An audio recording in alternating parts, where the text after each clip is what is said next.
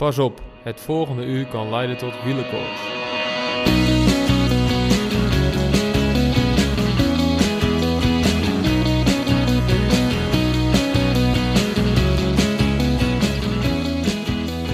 Grinta betekent vrij vertaald in het Nederlands de absolute wil om te winnen. Grinta is niet voor niets een Italiaans woord. De Giro duurt nog iets minder dan een week, maar onze Italiaanse mede-Europeanen doen er alles aan om het ijskonijn Roglic van zijn stuk te brengen. Lieve luisteraars, de laatste week van de Giro 2019 gaat in. Riemen vast en laat het spektakel maar beginnen.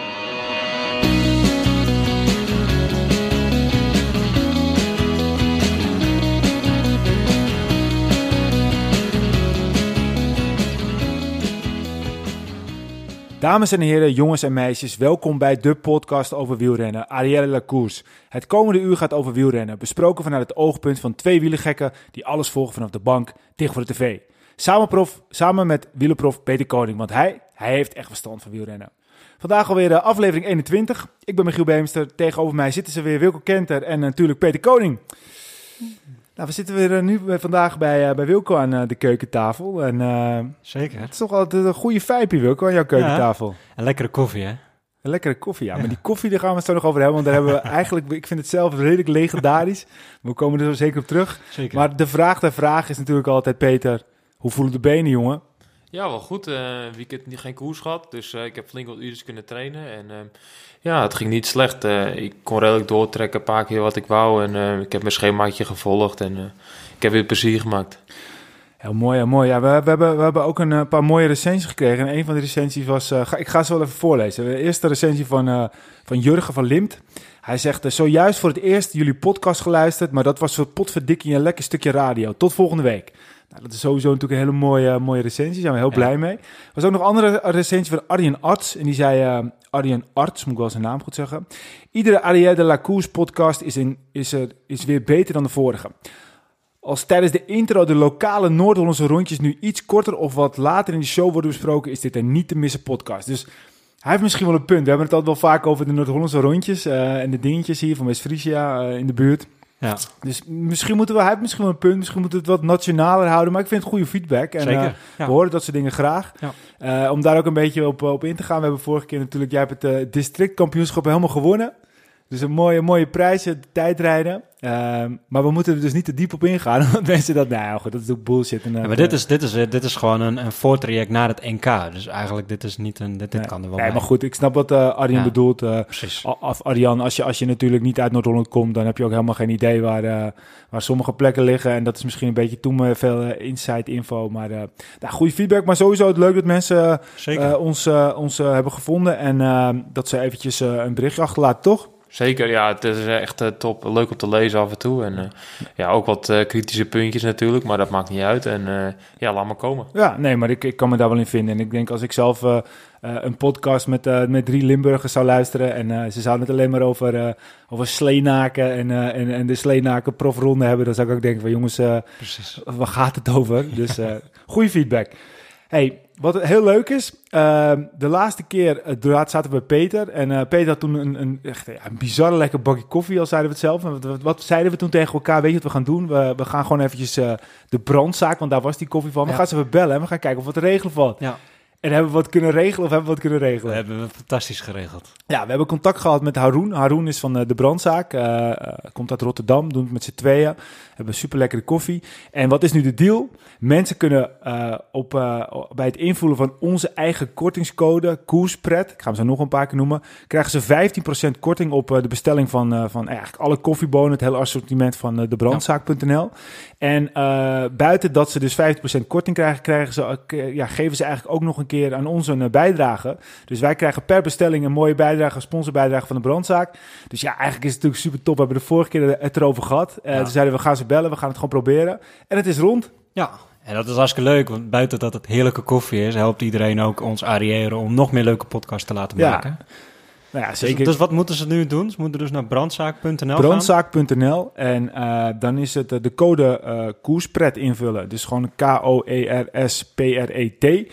En als ze dat invullen, dan krijgen ze 15% korting. Dus dat is Ja. gewoon gratis geld. En eh, kijk, het is voor, kijk, een, een wielenpodcast of een podcast aan zich wordt vaak gewoon, eh, eh, ja, is allemaal hobbymatig. Wij Ja. doen het ook hobbymatig, verdienen er niks mee. Maar het is ook leuk als we straks ook een beetje wat dingetjes eh, Ja. kunnen verdienen. En dat is niet voor onszelf, maar zodat we eigenlijk de simpele dingen als hosting en dat soort dingen gewoon kunnen Ja. betalen. Of op Vinden- locatie eh, podcast kunnen Ja, maken. precies. En, en dat, dat is gewoon leuk. En op deze manier krijgen we de kans om, om dat een beetje te dekken. Dus ik hoop dat heel veel mensen het leuk vinden om de koffie van de brandzaak te bestellen.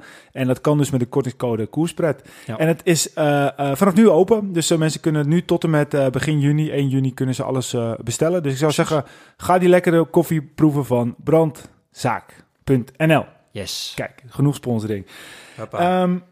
En daarnaast, ja, het lijkt een beetje zoals een, een, een, een, een, een drinkprogramma, maar we hebben eigenlijk nog veel meer eh, leuk nieuws. Maar misschien moeten we hier nog eventjes mee wachten en dan dat later brengen. Ja, we het later brengen? Een beetje spanning opbouwen. Dat gaan we doen. We gaan, we gaan eventjes wachten tot Even het eind van de podcast, want anders wordt het wel echt een, eh, een, een drankpodcast Ja. en daar gaat het om. Want het gaat natuurlijk om wielrennen, dat is het allerbelangrijkste. Ja. Ehm, wat verder ons opviel eh, de laatste tijd, er zijn weer heel veel nieuwe wielenpodcasts. Eh, we hebben natuurlijk, uh, vorige deed hij het al tijdens de tour, maar dit keer is eh, onze grote held Mart Smeets ook eh, natuurlijk weer terug met zijn eh, podcast. Ja. Ehm, ja, we- ik vind het eigenlijk, en wij vinden het volgens mij alleen maar super leuk. Hè? Bedoel, eh, hoe meer er over wielrennen geluld, hoe beter. Hoe meer podcasts er zijn, hoe meer mensen daarna podcasts gaan luisteren en hoe meer aandacht een, het wielrennen podcast krijgt. Dus dat is alleen maar goed. Ja, Goede dus- ontwikkeling. Dus, dus als het aan ons ligt, kom erop met die nieuwe podcast. Bedoel, eh, we hebben nog wel genoeg tijd om te luisteren. Er kunnen er nog heel veel bij, toch? Precies. Ik vind het ook mooi om te zien hoor. Het is wel echt een upcoming trend. En eh, ja, waar ze natuurlijk vorig jaar ingestapt. En ja, nu lijkt eh, niemand de boot te willen missen. En komen er steeds meer nieuwe. En eh, ja, wij doen het lekker op onze manier. En al die anderen lekker op hun manier doen. Maar eh, ja, wij maken gewoon verschrikkelijk veel pret wat we doen. Ja, en, eh, daar doen we het ook voor natuurlijk. dat is het leukste. En eh, ja, wij blijven gewoon doorgaan met wat we doen. En eh, Ja. Ja. dat is mooi. Ik volg nou trouwens de laatste dagen de move van Lens Armstrong heel erg. En Johan Branel die zit daar en eh, ja, die heeft gewoon super scherpe analyses. En ik geniet zelf ook gewoon van het luisteren van een podcast. En eh, ja, ik vind het gewoon ja, een hele mooie tijdsbedrijf. Ook tijdens rustige ritje, training en zo. Dan zet ik me op mijn oortjes en dan eh, ja, ben ik mooi aan het luisteren over de koers. Ja, ja ik vind ik, wat, wat ik zelf. eh, het is ook wel leuk om eventjes te kijken. Wat, wat is nu onze favoriete wielenpodcast? We het toch over podcast. Ik vind wel Live So Ride Fast vind ik erg leuk. De laatste podcast waren ze bijna, bijna half een beetje het ruzie aan het maken. Dus dat was helemaal wel. eh, was ook nog een beetje verhit. Nee, maar dat De, is leuk. de koerspret was op dat moment ver te zoeken. De koerspet was vet te zoeken bij de mannen. Maar nee, maar het is gewoon leuk. En eh, weet je wat het is? Eh, kijk, eh, ik denk dat er nog op dit moment... dat er geen één podcast is die, die gewoon zijn brood ermee kan verdienen. En dat zijn Ja. allemaal mensen die het leuk vinden. En eh, ja, kijk, je ziet ook sommigen wel dan... ja, eh, weer een, weer een eh wielerpodcast. Maar dat is toch prima? Ik bedoel, hoe meer, hoe beter. En iedereen doet het. Ja, eh, hoe iedereen- praatprogramma's zijn er over voetbal? Precies. En iedereen doet het op zijn eigen manier. En dat maakt het leuk. En voor ieder wat wils. Zo is het. Amen. Amen. We hebben een tijdje geleden ook nog een oproep gedaan voor wat wielergerelateerde goede doelen. Ehm, mensen konden dan eventjes een goed doel achterlaten en dan geven wij wat aandacht aan. Nou, er heeft zich weer eentje gemeld. Jelle Henge, Henge, Hengeveld, Jelle Hengeveld. Hij gaat eh, wielrennen voor hoop. Ehm, hij doet een rit tegen kanker. Of eh, voor kanker, hoe je het ook wil zeggen. Maar in ieder geval, hij gaat geld ophalen om eh, kankeronderzoeken ja, te stimuleren, om het zo maar te zeggen. Ehm, het is een mooi doel. Mensen die dat leuk vinden om te steunen, die kunnen even kijken op eh acties.samenloop voor hoop slash wielrennen voor hoop. Dus acties.samenloop voor hoop.nl slash wielrennen voor hoop. Maar wat gaat hij dan precies doen? Wat voor tocht gaat hij maken? Hij gaat, eh, Eh, hij gaat een, eh, een, tocht maken van 125 kilometer. En daar probeert hij zoveel mogelijk geld voor op te halen. Dus Mooi. ja. Mooi doel. ja, het is een mooi doel, toch? Mooie uitdaging ook. Kijk, we hebben Ja. gezegd dat, we, dat goede doelen zich kunnen melden. En dan, als er iemand zich meldt, dan moeten we dat sowieso even Ja, benoemen. Dus zeker. hartstikke leuk. Ga zo door.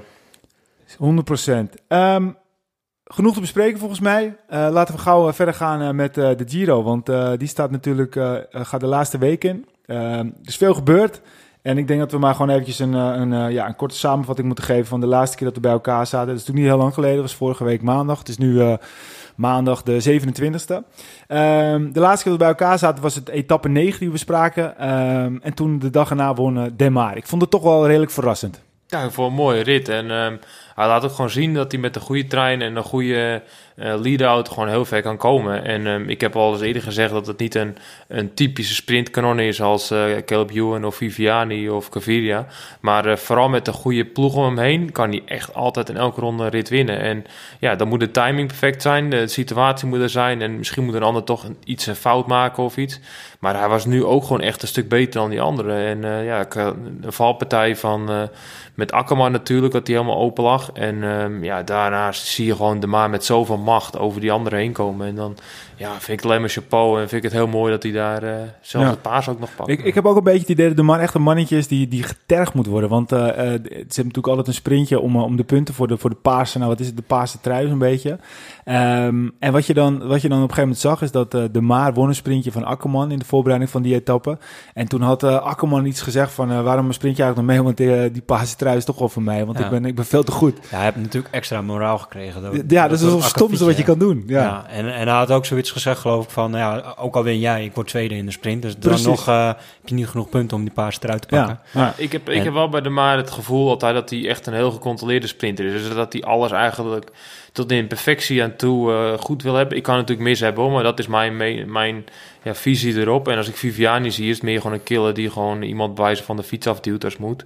En dat uh, ja, de maar meer in het rijtje, zoals Grijpel, uh, fair sprint, een fair play sprint wil, dan uh, echt het kwakken en het duwen. Die wil gewoon recht toe recht aan en de snelste zijn. Het is een beetje een gentleman sprint. Ja, een beetje gentleman, ja. ja. Beetje dat maakt het ook wel beetje, mooi. Ja. Het heeft hem ook niet altijd meegezeten in de sprints. Want, hij is er vaak genoeg verslagen natuurlijk. Hij is nooit de dominante sprinter geweest die, die de toppers er even oplegt. Ja. Dus des te mooier is het nu dat hij gewoon drie, vier toppers uh, gewoon verslaat twee keer. Ja, en toch, ik, ik was eerlijk gezegd ook nog niet heel erg onder de indruk van hem. Ik bedoel, ja, ik bedoel, hij heeft toch echt nee. een, een, ploeg uh, die volledig in het teken staat, ja. staat van hem. Dus uh, dat is wel, vind ik wel... Ja, dat Verwachtingen wel... zijn wel hoger, zou je van tevoren denken. Ja, en Dan, dan, ja, dan laat hij toch zien. Ik vond het wel mooi ook, want zijn ploegleider, Mario...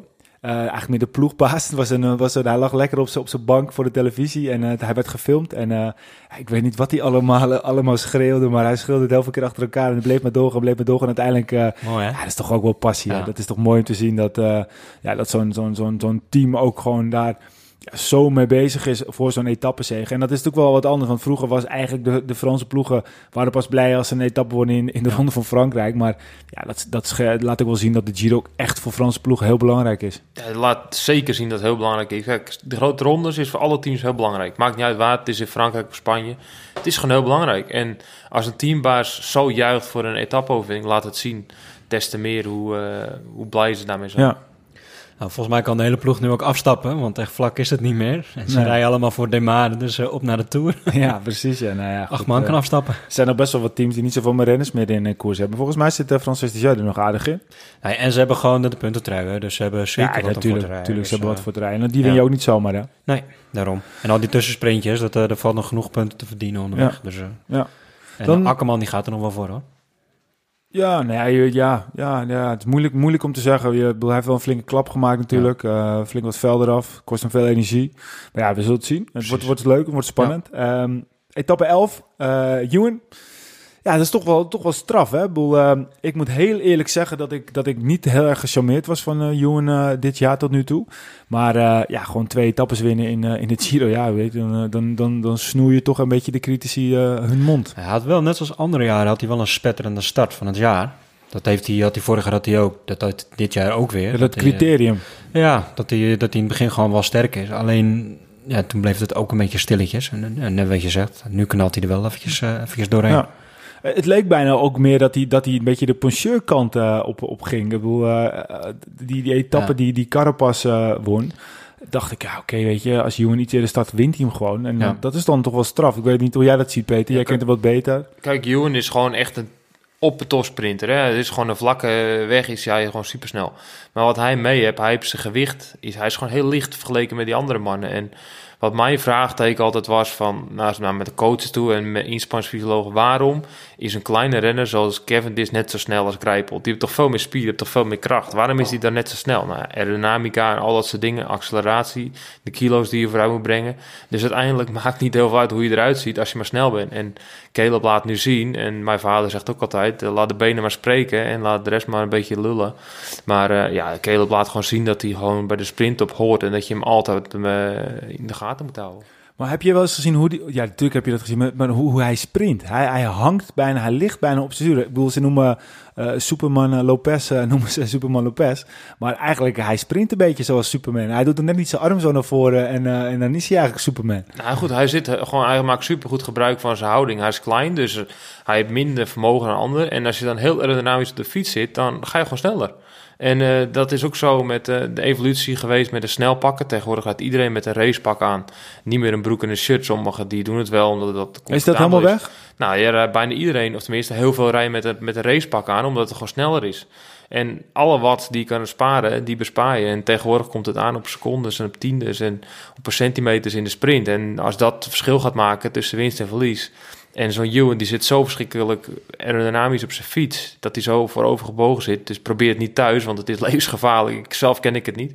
Dan, eh, dan is hij gewoon sneller. En hij weet de timing goed, hij is licht, hij kan snel accelereren. Dus hij kan een beetje bergop. En tegenwind is het is, is super goed voor hem. En ja, dan moet, komt de timing er ook nog bij, want je moet op het juiste moment moet je aangaan. En als hij op het juiste moment aangaat, en, eh, dan is het heel moeilijk om te kloppen.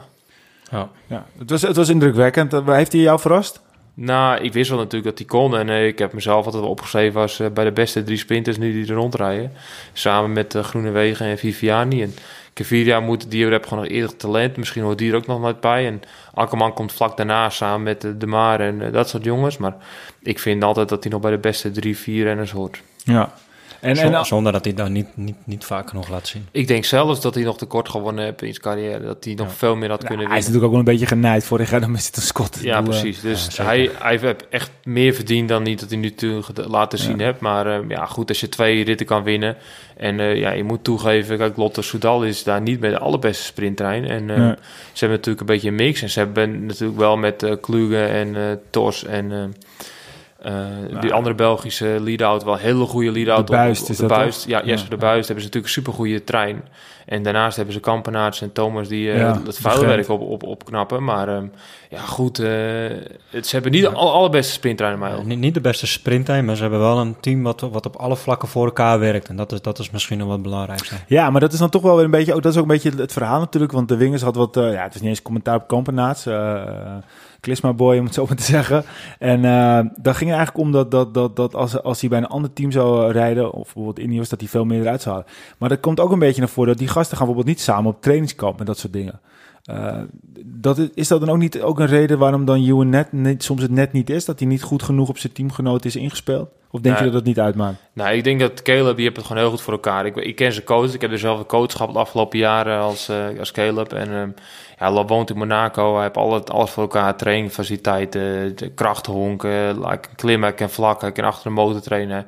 Hij kan alles doen wat hij eigenlijk wil. Dus voor hem zal het niet zoveel uitmaken. Maar in de breedte ga je toch als team stijgen als je samen bepaalde trainingskampen afwerkt. En ik denk wat uh, Bradley, we hebben het nou over uh, Bradley Wiggins, die commentaar geeft op kampenaars. Die zegt van, nou, je moet een keer stap omhoog en uh, je, je kan zoveel meer uit de carrière halen. En ik geef hem daar wel gelijk in dat hij eigenlijk gewoon de tijd dit verliest. En dat hij moet zorgen dat de juiste mensen op de juiste plek zitten. En uh, klop maar een keer op je borst en laat maar zien dat je uh, de kopman bent in dat, dat soort tijdritten. En uh, dan moet ook gewoon alles perfect zijn. Ja, normaal normaal doet, ja, maar... doet, doet Kampenaars andere dingen op zijn borst, toch? Ja, maar ik vind dat terugkomen even op die tijdritten, dat, dat is wel pure pech. Dat dat iedere materiaalverzorger, coach, ja, trainer nee, maar, kunnen Nee, niet, ik ben het niet mee eens. Als jij op dat niveau, hè, hij kan gewoon een wiltekoers winnen. Hij wint gewoon een rit. Hij kan een wit erin. Dat is gewoon een carrière changer. Hij kan gewoon daar zijn carrière maken. En, ja. en als dat, ik weet zeker, als dit bij, bij Ineos had gebeurd of bij Sky voorheen, had zo'n mechaniek op de eerste beste vlucht naar huis gegaan. Ja, wat ik de ploeg wel kwalijk kan nemen, is dat, dat je achteraf dan hoort van zijn reserve tijdritfiets of zijn nummer 1 tijdritfiets, dat, dat, dat wat het is, dat dat nog in Mexico staat. Dat de ploeg dan niet zorgt voor een een, een alternatief of, of dat het op tijd terug is. Dat kan ik de ploeg wel, uh, wel kwalijk ja, nemen. Het is een van de doelen die hij stelt, hè, die de Giro-tijdrit. En dan moet je op een, op een wegfiets moet je, je, je, je toch vervolgen. Terwijl je eigenlijk gewoon de tijdrijder bent, de kanshebber op de overwinning. En er staat er niet eens een reserve tijdritfiets voor je klaar. Ja, maar het gaat niet... Die stond wel klaar, toch? Alleen ze hadden de, de kozen toch uiteindelijk gewoon voor zijn wegfiets? Nee, die uh, stond toch in Mexico? Uh... Ja, maar ik dacht dat hij wel nog reservetijd want die was alleen niet goed afgesteld. Dat was volgens mij het Ah, maakt niet uit, dat was vlak voor de finish. Maar ja. Ja. het gaat erom, we zitten in de sport, hè. Er wordt zoveel geld ingepompt door heel grote sponsoren. Op zo'n rit moet je gewoon winnen, mag je gewoon daar niet op verliezen. En wat ga je nou krijgen? Nou heb je dus mechaniekers, verzorgers, tegenwoordig bij Sky, er is geen druppel alcohol meer in een grote ronde. ik weet dat bij ons team afgelopen jaar gingen die verzorgers, als de rit klaar was en zijn werk geweest was, gaan ze in de bar zitten, drinken ze 5, 6, half liters en dan gaan ze weer naar bed. Dat doen Ja. ze elke dag. En bij Sky wordt er gewoon geen alcohol gedronken, omdat van de renners wordt maximaal verwacht, maar ook van de staf. Ja, en bij een Lotte Soudal en een Quickstep en Belgisch gerelateerd Nederland, ik weet niet hoe het op dit moment is bij Lotte Jumbo, zal waarschijnlijk veel professioneel toe gaan. Dat de mechaniekers bij Ja. wijze van spreken net zo fit zijn als de renners zelf.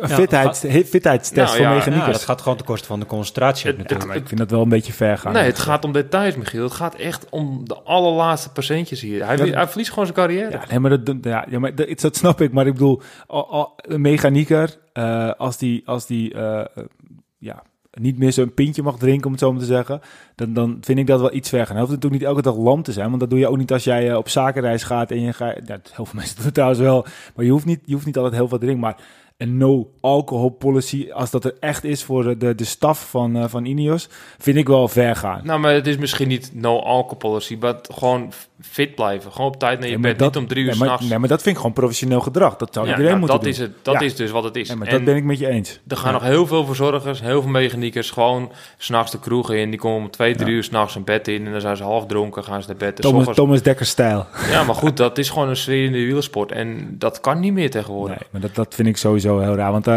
kijk, nogmaals, ik wil niet heiliger zijn aan de pauze. Maar als jij de volgende dag gewoon eh, moet werken, wat voor werk je ook doet. eh, en je bent daar eh, half lam, kom je eraan. Ja, dan kan je sowieso niet heel eh, goed presteren. Nou, je, Dus, kent ook, je had waarschijnlijk de Live So Ride Fast podcast geluisterd van Laurens. Die vertelde daar ook in de Giro toen de ehm mensen of problemen Hij wist had. alleen niet meer wie het was. Nee, maar dat maakt niet uit. Maar ik wist dat moment. Ik kon hem ook herinneren. Ik heb het ook gezien tv. En er is zo'n mechanieker, die duwt hem zo lang aan... dat hij gewoon eigenlijk daar bij zijn Giro kan winnen. Ja. Ja. En dat is gewoon... Nu is het kampionaat alleen de tijdrit. Maar hetzelfde om, terug te komen op de dag van Roglic... dat die probleem met de auto... Ja. die moet er altijd achterblijven. Er is Ja, gewoon geen excuus om we daar... komen, daar, we komen op Roglic komen we ook zo uitgebreid terug natuurlijk. Ehm, om eventjes terug te gaan naar Ewan. eh, voor de mensen die geen idee hebben waar het over ging. Mitchell Scott reed natuurlijk vorig jaar een Australisch team. Hij is zelf een Australiër. Eh het was iets met zijn contract. Hij wilde het niet, ver, eh, niet verlengen of iets dergelijks. Toen hebben ze hem gewoon eigenlijk nergens meer opgesteld. Hij mocht ook de Tour niet rijden. Eh, dus ja, hij, daarom is dit ook wel een beetje het jaar van zijn revenge. Ja. Twee etappes winnen, nou, dan sta je er gewoon goed op. En goed. ja, uiteindelijk eh, samen met de Akkerman denk ik dan toch de beste sprinter in koers. En dat had ik niet verwacht. Zeker. Ja, want Cavira heeft er eentje gewonnen, maar ook eentje gekregen eigenlijk. Wat, wat, wat Viviani Ja, één, en, ja, eh, één, ja, ja. Dus ja, Ja, en, Vivia- Vi- en, en, en, en, en, en Ewan zijn gewoon de beste Ja, sprinters. tot nu toe, eh, we krijgen straks nog natuurlijk wel, eh, op het einde wel, wel, wel wat sprints. Hopen we, of, of misschien ook niet. Maar eh, nou ja, we in principe Nou, niet, volgens mij niet, is er nog maar eh, één etappe wat, dat, wat een sprint zou kunnen zijn. Volgens mij, als ik, het, als ik me goed nou heb ja, misschien ook niet, maar maar ja, dat is spant erom. Het, het zijn alleen maar bergen voor de rest Ja, wat we ja, zien dus in dat- de tijdrit. Dus, ja. Maar goed, dan als je, als je eventjes gaat kijken achter de, achter de of een streep eronder zet, dan eh Akkerman, Ewan, beste sprinters deze Giro. Ja. Dan etappe 12. Ehm, grote verrassing. En ik vond het ook echt wel een verrassing hoor. Eh, ik bedoel, eh, ik weet niet wat Clement ervan vond. Maar eh, die heeft er waarschijnlijk wel genoeg over te zeggen. Want eh, die vindt dat straks weer heel erg raar, denk ik. Maar Benedetti. Mooi, hè? Ja, Ja, dus kijk, ik vind het gewoon vooral genieten. Net, heel veel mensen hebben er al woorden aan, eh, aan toegereid. Als iemand zo, zo in dienst stelt van een ploeg en zelf dan een keer wint, dan, dan is er gewoon iets heel speciaals binnen zo'n team. Dan zie je alle ploegmakers waar hij altijd voor werkt, die vinden het zo, zo verschrikkelijk mooi om te zien. En zelf heb ik dat ook, omdat ik zelf een cou- coureur ben en ik voel diezelfde emotie wat hij eigenlijk voelt. En eh, gegeven moment zie je een podiumceremonie zien van het podium afspringen naar zijn ploegmaten toe, die juichend aan het hek staat te schreeuwen. Ja. Dat zie je nooit. het zijn de mooiste ja overwinningen. maar Akkerman zei ook dat de mooiste van de drie is, is die van eh, Ja. Benedetti. Maar Ja. dat komt omdat ze gewoon zo toegewijd zijn aan het team. Die geven gewoon alles, alles, alles om een kopman altijd maar beter te maken en Ja. af te zetten op het juiste moment. En als ze dan als kopman zijn die je, je, je meeste knecht eigenlijk gewoon, of je hele goede knecht ziet winnen, dat is gewoon super gaaf. Maar des te knapper is het ook dat hij het ook weet af te maken. Als je nooit Hij in de positie sterk, komt. jongen. als hij, je- was, hij, was ja, gewoon, hij was zo bizar hij sterk. was zo relaxed, zo rustig. hem zien En dan- sprinten? Ja, maar hij maakt het gewoon goed af. Maar dat maakt het des te knapper. Normaal zou je misschien in paniek raken. Of eh, wat moet ik doen? Ik kom nooit in deze ja, maar positie. die gozer die had hij gewoon, die gozer had gewoon een dag om nooit, nooit te vergeten. Om Ja, het hij zit ook gewoon in een winning team. Hè? Dat, dat, Ja, dat maar, oké, maar, zo'n dag mee. heeft hij keer één keer en, Ja. en, en misschien wel nooit meer. Wat het een beetje het beste vergelijking is, is dat hij, eh ja, Wilco en ik, we hebben gevoetbald en heb je altijd, eh, je hebt altijd een linksback in je team. Nou, die heeft zijn hele carrière tot, tot zijn 35e nog nooit gescoord. En op een gegeven moment uh, maakt hij op, op zijn allerlaatste afscheidwedstrijd maakt hij een doelpunt per ongeluk. En, en, en ik denk dat iedereen dan dat doelpunt zal herinneren. De hele, de ja. hele carrière dat je Dat zijn dan hebt. de mooiste. Niet de mooiste goals, maar wel qua enthousiasme. Ja, maar dat is toch, je gunt het iemand soms. Ja. Of het zijn van die, van die, van die noeste werkers die je nooit ziet en altijd wegcijferen. En als ze zelf een keer wat winnen, is dat ook veel leuker. Ja. En, en, soms is het ook misschien wel leuker, zoals zo'n Akkerman die ook aangeeft van de drie was dat de mooiste. Dat je wel eens ook wel eens wint, dat zo'n iemand wint dan in plaats uh, jezelf. Ja, maar je wint ook nooit individueel. Je wint altijd als team. Kijk, een nou Akkerman die wint ook niet als het team niet voor hem werkt. Dus dat, je wint ook sowieso nooit alleen. Dus je wint altijd als team. Ja. Dus ja, het logisch ook dat je voor een ander misschien blijer bent dan dat je voor jezelf ja, bent. Nee, oké, okay, maar de, dat, dat siertje dat je dat zo zegt, ja. maar heel veel renners zullen er niet zo in staan, denk ik. Helemaal niet uh, bij sommige niet teams, allemaal, niet nee, naar het nee. noemen. maar uh, ja, er zijn ook wel weer een paar renners gepakt ja. op, op doping. Nou, als je dan zo'n teamplayer bent, zou je dat ook niet doen natuurlijk. Maar goed, dat, uh, dat gebeurt. Ja. Maar het was een mooie, het was een verrassende, een mooie dag. Ja, ja. Mooie, mooie etappe ook. Dan etappe 13. Um, ja, dat was, uh, dat was wel een dingetje. We, even zaten we op het puntje van de bank, dachten we, Mollema, wat ga je doen, jongen? Ja, bizar, hè? Dat was per ongeluk ook, hè? Ja, dat was eigenlijk helemaal Ja, ik zat uh, zomaar uh, ja, voorin en uh, ik zat één keertje aan en ik was weg. Ja, dat, nee, het was eigenlijk... Mollema die zag dat Sakarin, en er waren nog één of twee, die, die, die sprongen mee. Ja. Dus de eerste gedachte was, hé, hey, daar gaan wat toppers mee. Dus ik moet ook mee. Dus ik zet ook maar even aan.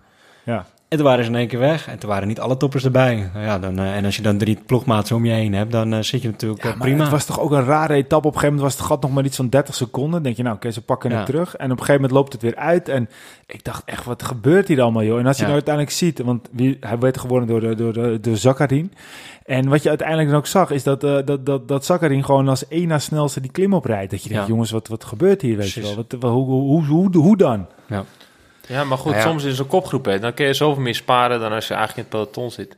En dat klinkt heel raar, maar als jij een beetje op twintigste positie in de, de hele dag in die kopgroep een beetje achteraan sukkelt en bergop ben je gewoon de betere, want Zachary was gewoon de betere, dan zie je net zoveel af in de kopgroep als in het peloton. En dan, dan heb je altijd critici, ja, maar de stress die erbij komt kijken en dat soort dingen. En dat is wel zo, maar voor in, in de situatie van Zachary denk ik dat hij minder stress heeft gehad van die kopgroep dan een Mollema. Ja. Mollema, die heeft echt gewoon een team op kop moeten zetten en die heeft gewoon eigenlijk... Omdat ze met z'n drieën waren. Ja, is, dat, is dat zo? Want ze reden Ja. natuurlijk een beetje op twee belangen. Hè? Ze reden ook voor Sicone voor de, voor, de, voor, de, voor de bergtrui en ze hadden Mollema. Dus ik vraag me ook een beetje af of ze volledig voor Mollema rijden of, of, of dat het een beetje... Nou, ze, dat ze reden was- een beetje voor twee man en dat, is, dat, dat heeft het voor Trek Ja, wel heel dat, moeilijk dat is wel goed die dat je dat zegt, want je zag op een gegeven moment Sicona, die, eh, die was natuurlijk, eh, die, ja, die reed eventjes weg. En toen werd Mollema eigenlijk ook daar een beetje eh, eh, alleen gelaten Ja. natuurlijk. Dus, dus dat, dat is wel terecht dat je die vraag stelt. Ik weet niet, hoe je, wat denk jij ervan Peter? Nou goed, ik denk niet dat het... Misschien was het al wel voorgezet plan dat eh Mollema in de kopgroep zou zitten. Maar ik denk niet dat het echt het masterplan was dat hij eh vooruit gestuurd zou worden in de vroege vlucht. Maar ah, soms zijn die situaties daarnaar en dan volg je gewoon omdat het een hele grote groep is. En dan pakt het goed uit in dit geval. En, en ja, de blauwe trui vinden ze wel een belangrijk doel, maar daar gaan ze nooit voor rijden. Want hij heeft gewoon zo'n grote voorsprong. Maar zijn enige taak is, als het meer dan 10 man is, moet de blauwe trui mee. Altijd. Sissicone moet altijd mee als dus eh, meer dan 10 man is. Want dan kun je relatief makkelijk punten pakken. En dan kun je altijd een beetje achterin hangen. Je pakt haar puntjes en je draait een paar keer mee. Dan kun je relatief makkelijkst de punten halen. Ja. En nu was het ook zo dat Mollema erbij zat. Ja, dan komt hij op een keer in een situatie dat hij ook nog op kop moet gaan rijden voor Mollema. Wat overigens supergoed uit had kunnen pakken.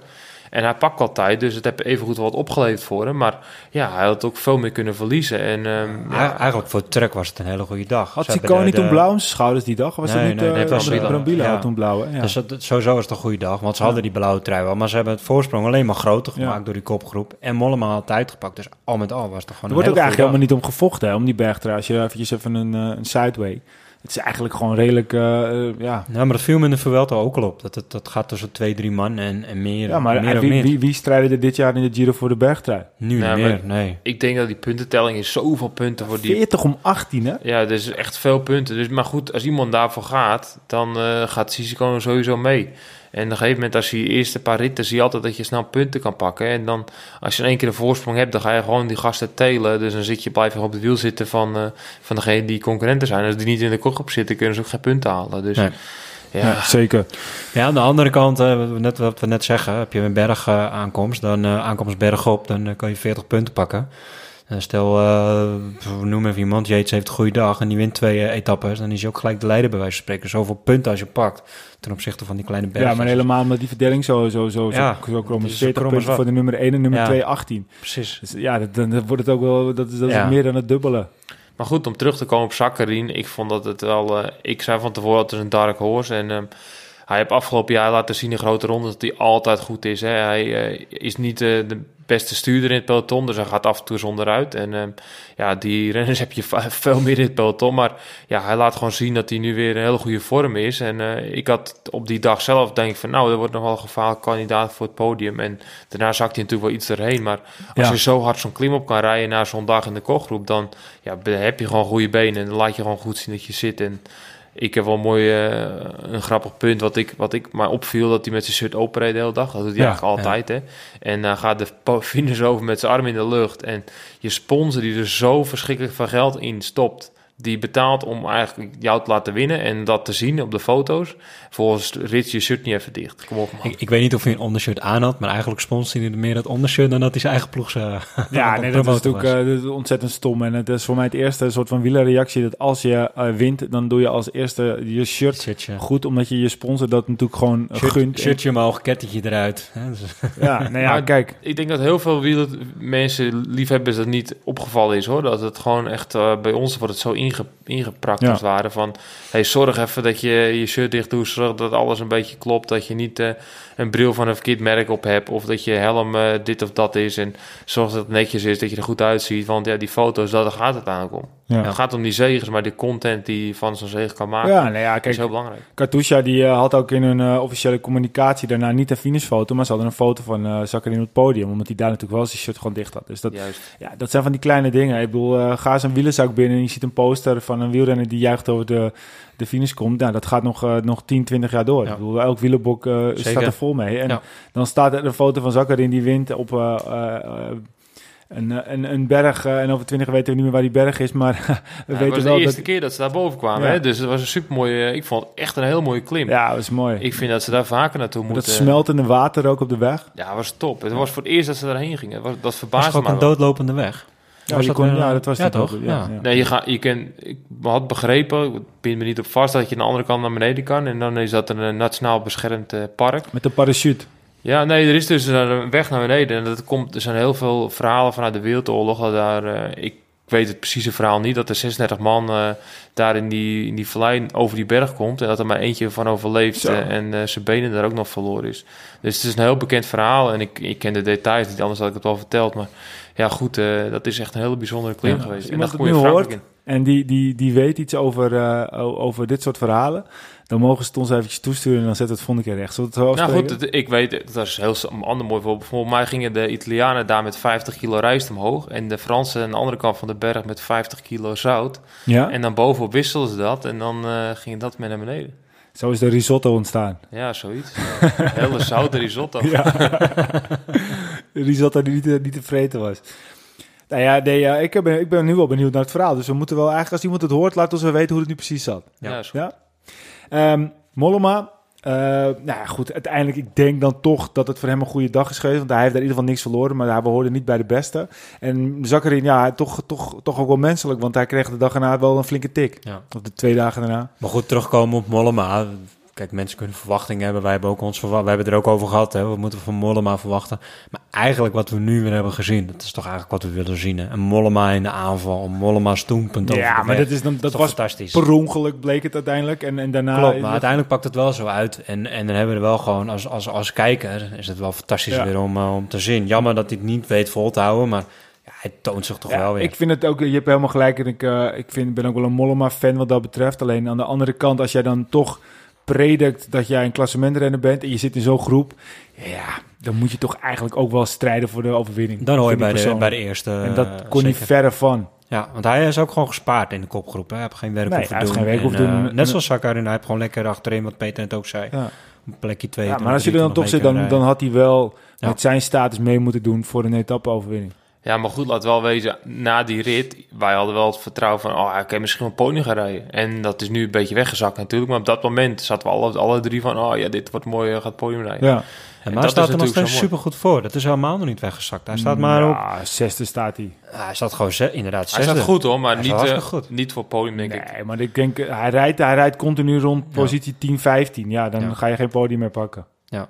Nou ja, laten we eens hopen dat hij eh, in de ronde niet slechter wordt, maar gewoon eh, hetzelfde niveau kan aanhouden. En Dan, eh, Ik denk dat als hij podium wil halen, moet hij nog één dag een beetje erheen zakken. En dat ze dan een keer de kochte batterij die 10 minuten geven. Dat hij Een, dan, een degentje. Ja, zoiets. Maar ik denk niet dat hij nu eh, die beter bergop is dan die andere jongens. Vooral niet dat die nu bloed geroken hebben en eh, weten dat ze ook iets nog meer pijn moeten gaan doen. Dan gaan ze alleen maar harder bergop rijden. Dus. En ze let ook allemaal niet op Mollema. Ze vinden Mollema op een of andere manier ook niet... eh, Nee, maar als hij echt dat indruk had gegeven bergop, dan had hij wel, Dan wel. anders. Dan is het heel anders. Zeker. Mollema is Mollema. Ja. Goeie, goede klassementsrenner tussen de positie 5 en positie 10.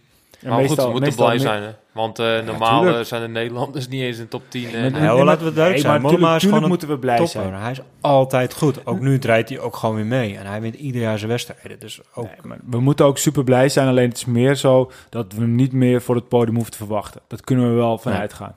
En laten we alsjeblieft hopen dat het niet waar is. Maar we kunnen hem eerder verwachten Juist. op positie 10 dan op positie 3. Ik mag toch hopen dat hij eh, morgenochtend eh, voor het ontbijtje onze podcast aan het luisteren En is. je kan, je en dan gewoon keihard aan het lachen is in die kamer. Van ik zal die drie jongens Ja, even ja, wat ja. laten zien. Je kan zien, eh, je kan zien zijn? waar de luisteraars vandaan komen. En eh, elke keer als we een nieuwe podcast uploaden, de laatste weken tijdens de Giro, dan is het eh, eh, Italië die eh, na Nederland en België als derde op de lijst staat. Dus er zullen er gerust wel een paar luisteren. of het moeten gewoon een paar Italianen zijn die, eh, die luisteren. maar, Misschien moet je hem adviseren om Vespa's voor hem bij te geven, dat hij een beetje brommetjes eh, ja, even een brommer inslikken. Even wat Ja. Vespa's, ja, Ja, met een beetje tomatensaus. Precies, dat zou het zijn. Dat zou het zijn. Hey, ehm, dan etappe 14. Dat is de, de Carapaz-etappe. Dus de Carapaz neemt de leiding over. Ehm, schitterende etappe. eh, voor Nederland wat minder. Want Ome die eh, breekt daar zijn heupen. Dat is toch eigenlijk wel een, eh, een best flinke klap in het gezicht. Ja, einde tour. Einde toe, zoals het er nu uitziet. Ja, zes weken sowieso had ik gelezen, staat ervoor. Nou ja, als je vanaf nu gaat Voor een normaal rekenen, mens. dan eh, voor een normaal mens. Dus als je vanaf nu gaat rekenen, dan is de tour al gestart. Ja, maar dan, dan heeft hij ook geen training. Al zou hij eerder stellen. Nee. Dat, dat, dat wordt niks.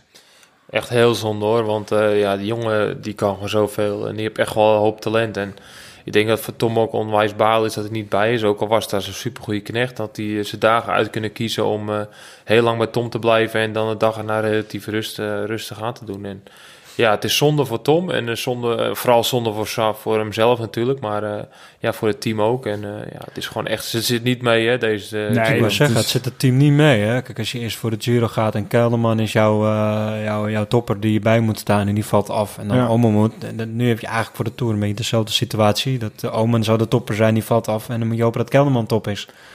Maar Gisteren schakelde ik de tv wel nog aan en toen zag ik Bakelands even tussenin rijden. Ik denk, nou, het Ja. zou mooi zijn als zou die eh, vandaag kunnen winnen voor Sunweb. Want ja, goed, zo'n team die gun je dan ook wel een beetje een, eh, een, Ja. nog een uitslag in zo'n ronde. Maar eh, ja, Ze maar- wel met twee man aardig mee voorin. Ze laten zich wel zien, even goed met Ja. Dat is waar. Dat is waar. Het is, Maken eh, er wel het het is, beste van. Het is, allemaal, het is het allemaal gewoon net niet. En het zit Nee. ze gewoon ontzettend, ontzettend tegen. En eh, Ja. dat is eigenlijk het hele jaar al een beetje zo. Dat, eh, dat, dat is gewoon een tendens die zich wel redelijk doorzet. En eh, waar ze een, vorig jaar, en het kan nog steeds natuurlijk, of een paar jaar geleden natuurlijk bijna alles, alles wonnen wat los en vast zat. Ja. In de Tour de, de bolletjes trui en de groene trui wonnen en etappe na etappe. Is het gewoon nu, valt het allemaal even de andere kant op. En Ja. dat is gewoon, ja, dat is gewoon, eh, ja, dat is ook een voor, beetje nu, eh, voor nu jammer. Het seizoen is nog jong, gelukkig voor ze. Ja. Dus, eh, Carapaz won, pakte Ja. roos. eh, waar wij op dat moment van dachten van, nou, eh, dat, eh, dat, dat gunt Roglic. Nou, dat gunt is het verkeerde woord, maar hij wil eigenlijk liever dat Movistar in het roos rijdt.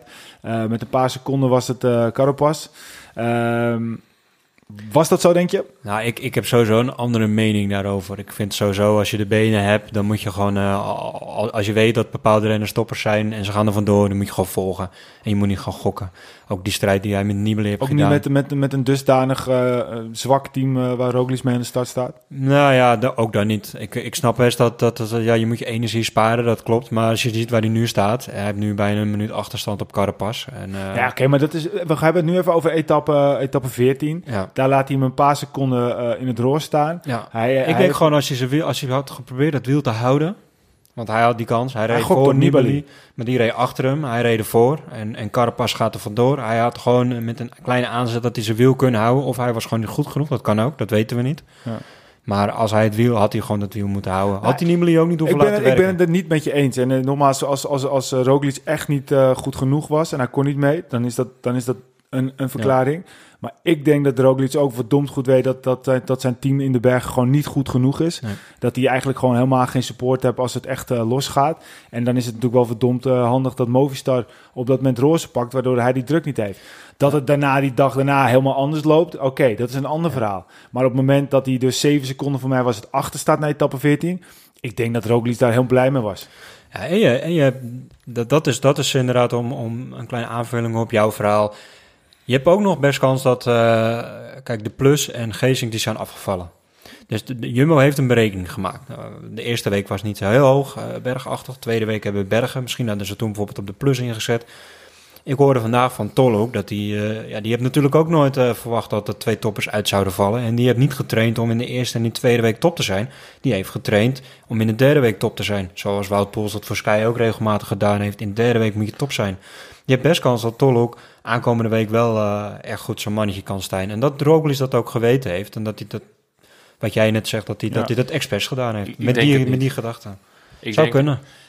ik vind sowieso heel... Ik ben verbaasd me heel erg over Roglic, zo net als heel veel anderen. En eh, ik, eigenlijk, wat we nu tot nu toe gezien hebben... we eigenlijk nog niet het achterste van zijn tong gezien, denk ik. En ehm, zelfs nog met de rit erbij van gisteren... waar we eigenlijk zo over gaan hebben... maar ik ga nu het brugje vast maken...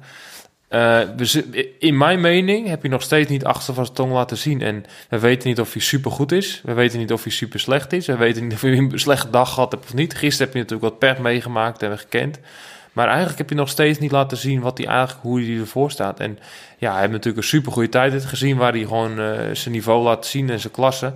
Maar bergop heb je nog steeds niet een, een beslissende aanval gemaakt of een countermove of echt zwaar erheen gezakt. Hij heeft altijd een beetje gewoon nog tussen die anderen gereden. Hij heeft nooit een, een, een bijzondere move gemaakt om te laten zien, oké, ik ben goed of ik ben slecht. Er was Ja. nergens iets op af te lezen. En ja, daarom wordt het des te mate spannend de komende dagen. Maar wat Roglic in mijn ogen vooral mist, is gewoon eh, de ervaring. Dus eh, ja, wat Nibali wel heeft en wat die andere mannen wel hebben, die hebben gewoon zoveel keer dit al meegemaakt. En voor hem is het echt pas de eerste of tweede keer dat hij echt in zo'n situatie komt. Hè. En hij kan nu een grote ronde winnen. En hij heeft niet een meesterknecht naast hem die hem dat nog bij kan brengen. Hij heeft niet een, een, een Nibali of een oude Rot of een Caldato of weet ik het wat, die nog heel lang bij hem blijft bergop. Die nog kan zeggen, hey, ik pak even een bidonnetje voor je. Of hey, let op die of doe of dat. Of alles moet verteld worden in zijn oortje. En Ja. hij moet terug voor, voor zichzelf om een bidon te halen. Eigenlijk hoeft het niet. Het kan natuurlijk wel, maar ja, eigenlijk hoort het niet zo. Kijk, En de- dat gaat zijn kop kosten. Dat gaat eigenlijk het Ja, rol dat is- kosten. Kijk, kijk, de feiten zijn op dit moment gewoon als we puur even naar de feiten. We gaan nu inderdaad naar de 15 etappe. Hij werd gewonnen door Cataldo. Voor het verhaal van het klassement is dat verder niet belangrijk. Het was een mooie overwinning. Met z'n twee hebben ze bijna 210 kilometer voorop gereden. En Cataldo maakt het meestelijk af. Klasse van Cataldo, Astana pakt weer een etappe.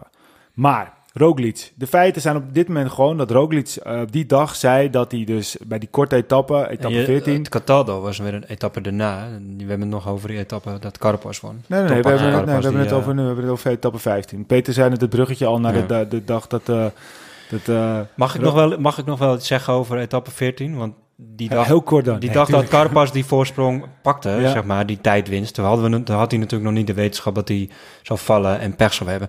Dus vanuit dat perspectief snap ik, kan ik Roglic ook wel weer begrijpen. Oké, Carapaz gaat heel ver eh, in het klassement, dus die ruimte kunnen we wel geven. Omdat je natuurlijk niet weet dat je, dat je pech gaat oplopen.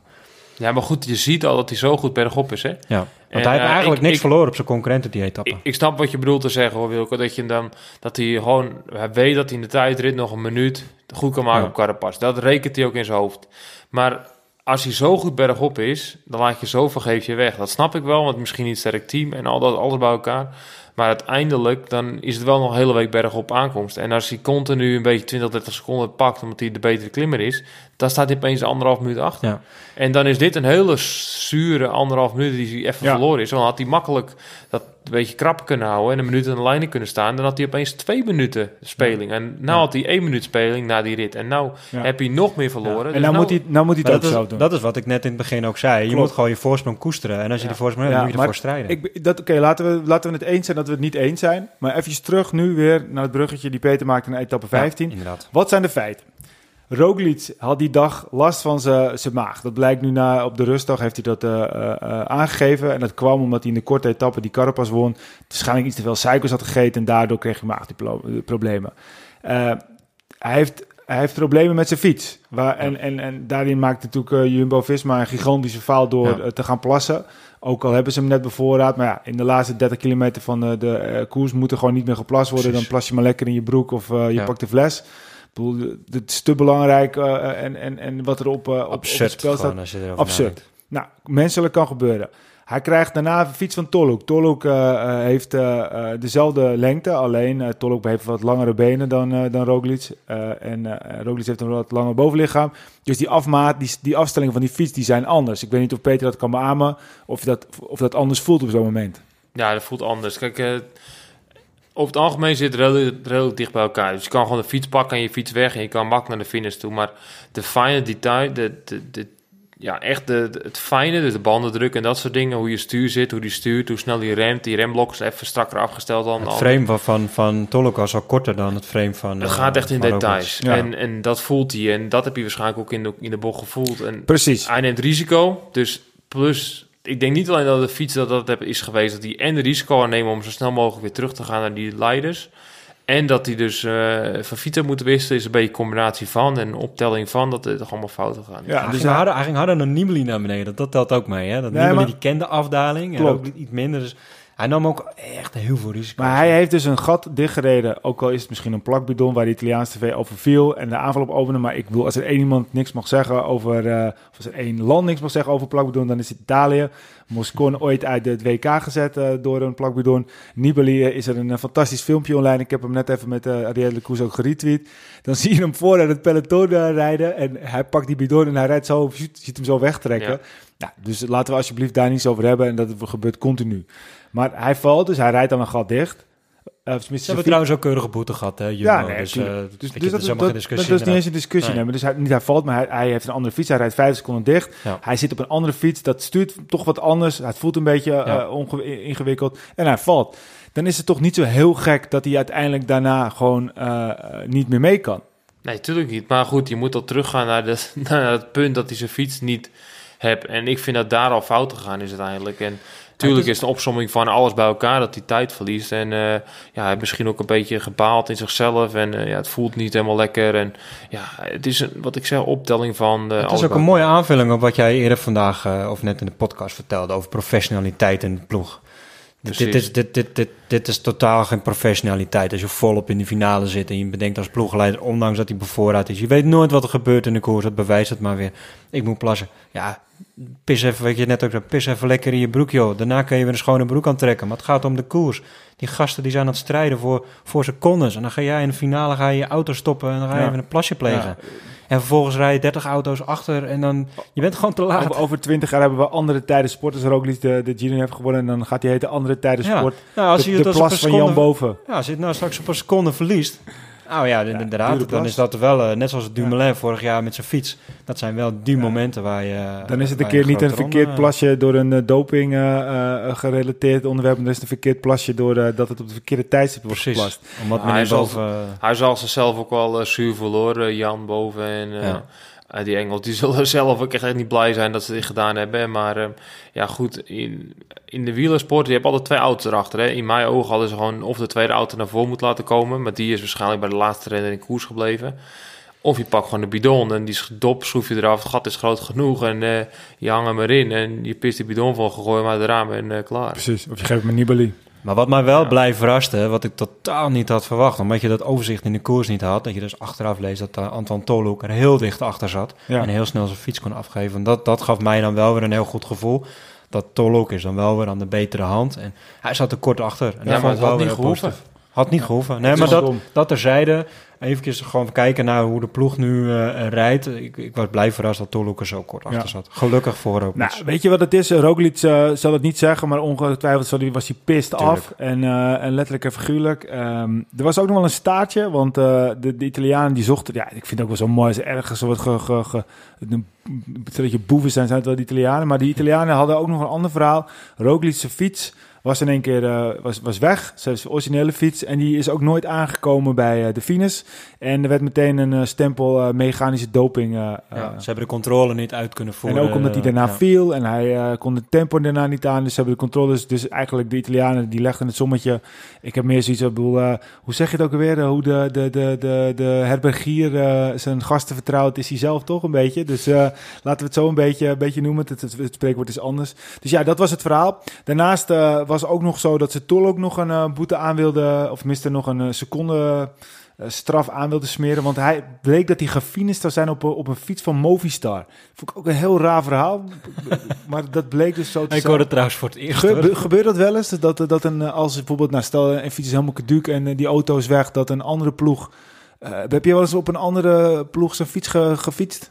Nou, niet dat ik zo kan herinneren, maar wel reservefietsen van de neutrale auto. Hè. Die heb altijd de fiets van Shimano erop. En dan, uh, ja, als je eigen fiets niet, uh, niet is, of als de ploeghouder er verderop is en je hebt de deur eraf, moet je toch een andere fiets hebben. Dus uh, ja, ik heb wel fiets van neutrale auto gehad en dat soort dingen. Maar, maar zou daar bijvoorbeeld een Movistar fiets op hebben kunnen staan? Nee, maar goed, weet je wat het zou kunnen zijn? Hè? Dat uh, bijvoorbeeld uh, dat, dat die gewoon erachter is, dat de ploegleider doorgereden is, en die fiets stuk is, en dat de tweede auto van Movistar uh, ja, die jongen langs de kant heb zien staan. Hey, we gaan hem helpen en we geven een fiets en hij rijdt naar de finish. Ja. Want dat mag, tenminste, het mag, officieel mag het niet, maar nee. het is wel collegiaal. En ja, de andere teams helpen elkaar wel hoor, want ik heb al ook wielen gehad, genoeg van andere teams. Want ja, soms heb je maar één auto in de koers. En als dan de auto achter de kopgroep zit, ja, wat ga je dan doen als je lek rijdt? Dan pak je of een neutraal, ja. of de ploeg heeft een afspraak gemaakt met uh, team uh, Hupplepup om dan gewoon uh, zeggen van, hé, hey, als je lek hebt, kan je naar die ploeg toe om een wiel te halen. En de volgende keer geef ik een bidon aan hem in de kopgroep. Dus dat Beetje is over maar. maar het is wel scheef, hè? Want zo'n sport heeft, ik kreeg een keer een, een, een, een wiel van Clark. Ja. En toen kreeg je een twee minuten tijdstaf of Maar goed, dat was echt wel in koers, hè? Dat is niet, op, niet een noodscenario. Het dus het was achteraan gewoon vriendjes ja. nee, binnen okay, peloton. Het is wel weer wat zijn nou regels, weet je wel? De regels trekken ze door. Maar goed, dat zijn heel veel zo. En uh, dat, dat, die regels zijn regels, maar goed, er zijn zoveel regels die ze niet hanteren. En uh, fietspadincidenten, dat soort grappen, dan moeten ze veel ja. strenger controleren. Ja. Maar goed, bochtje afsnijden, dat... Uh, dat tenzijde... Ja. Ploegaar zou dat er gewoon achter moeten zitten en de fietser ook iets moeten geven. En dan Tolhoek ook niet op fiets van mogen staan moeten vinden. Nee. Hey, wat, wat ik vandaag zat te denken, jij bent een keer onderweg naar uh, een uh, criterium Limburg. Echt ook, aan de ene kant was het een, voor jou niet een leuk verhaal, maar het was achteraf wel een mooi verhaal. Jij reed een keer een koers in Tsjechië of iets dergelijks. Ja. En toen, toen, vertel het eens, je weet wat ik bedoel. Nou ja, goed, ik denk dat we naar profcriterium waren vorig jaar, naar Maastricht. En, uh, ja. en Michiel die zat naast me in de auto twee, drie uur. Ja, waar ga je het er een over hebben? Dan zegt hij van, heb je nog een mooi verhaal te vertellen? En ja, ik reed uh, als uh, een van de eerste twee jaar onder, onder 23 was ik met uh, de ploeg Line was ik naar Tsjechië. En ja, was voor mij de eerste keer echt een grote koers in het buitenland. En ja, ik voelde me, was heel enthousiast, die jonge, jonge veulen. En ja, dan probeer je in de kijker te rijden. En ik weet, rit 2 of 3 was bergop. Vanuit de start, en dat was een heel lange rit van A naar B. En dan was één lange rechte lijn.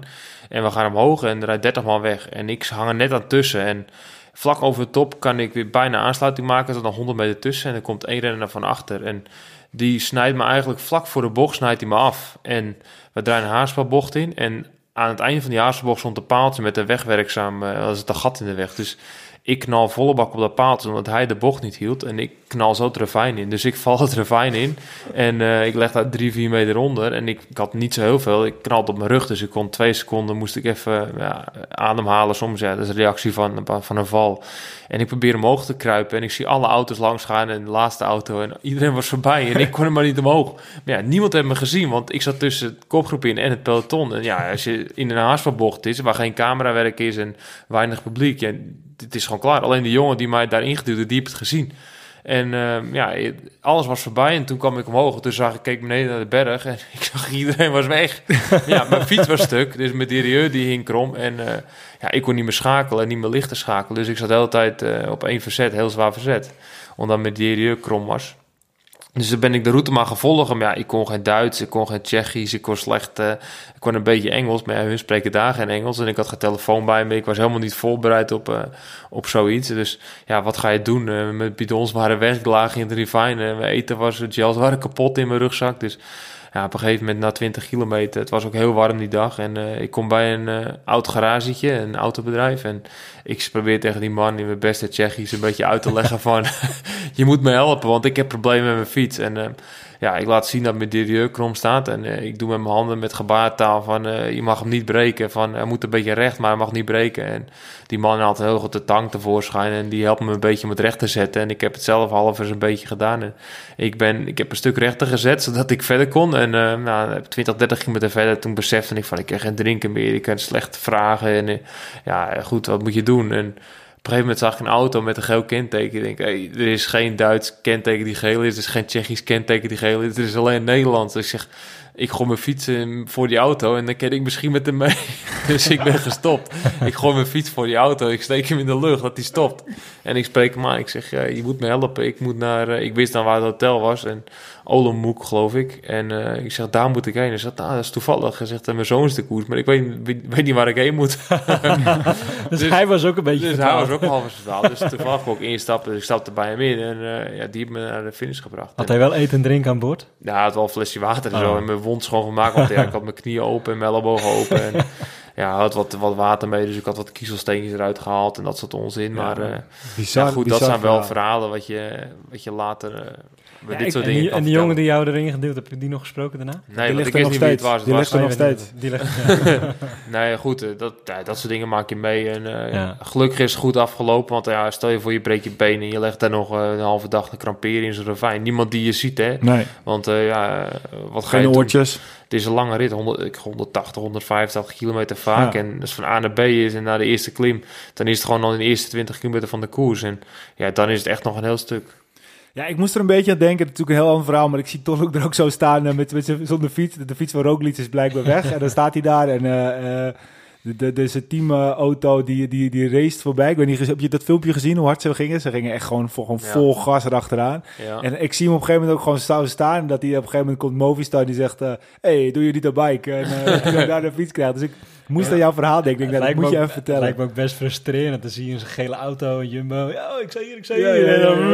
Ja, ik heb, dat heb ik dus wel gehad. Hè, dat ik gewoon uh, lekker band had. En dat ik dan... Uh, dan zeggen ze, ja, steek je snel in de stop langs de kant. Zit je om de 11 wielen lucht. En op datzelfde moment passeert er een auto... met dan de, je eigen ploegleider, zeg maar ja, hoe moet je het zeggen, naast die andere auto. Ja, die heeft mij niet gezien. Die reed precies in de dode hoek van die andere auto. Ja. Dus ik stond al langs de kant. Hey, nou, en dan moet je maar hopen dat er nog een auto is die stopt. En anders kun je de. Ja, en gelukkig had ik dat laatste team. Die, die, die behaald door van, hey, uh, hij heeft geen wiel. En uh, ja, dat is drama. Ik heb wel verhalen van ploegmaatjes. Dan, uh, heel simpel voorbeeld. Als er één auto in koers is en een bergrit en je komt in de bus.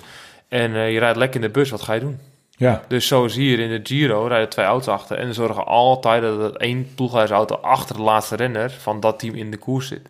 En de andere teams helpen natuurlijk ook wel. Maar ah ja, als jij niemand hebt en je krijgt geen wiel en je bent als enige gelost, ja, dan ben je gewoon klaar uit koers. Ja. Gelukkig doet altijd dan in de Giro de Maan nog mee.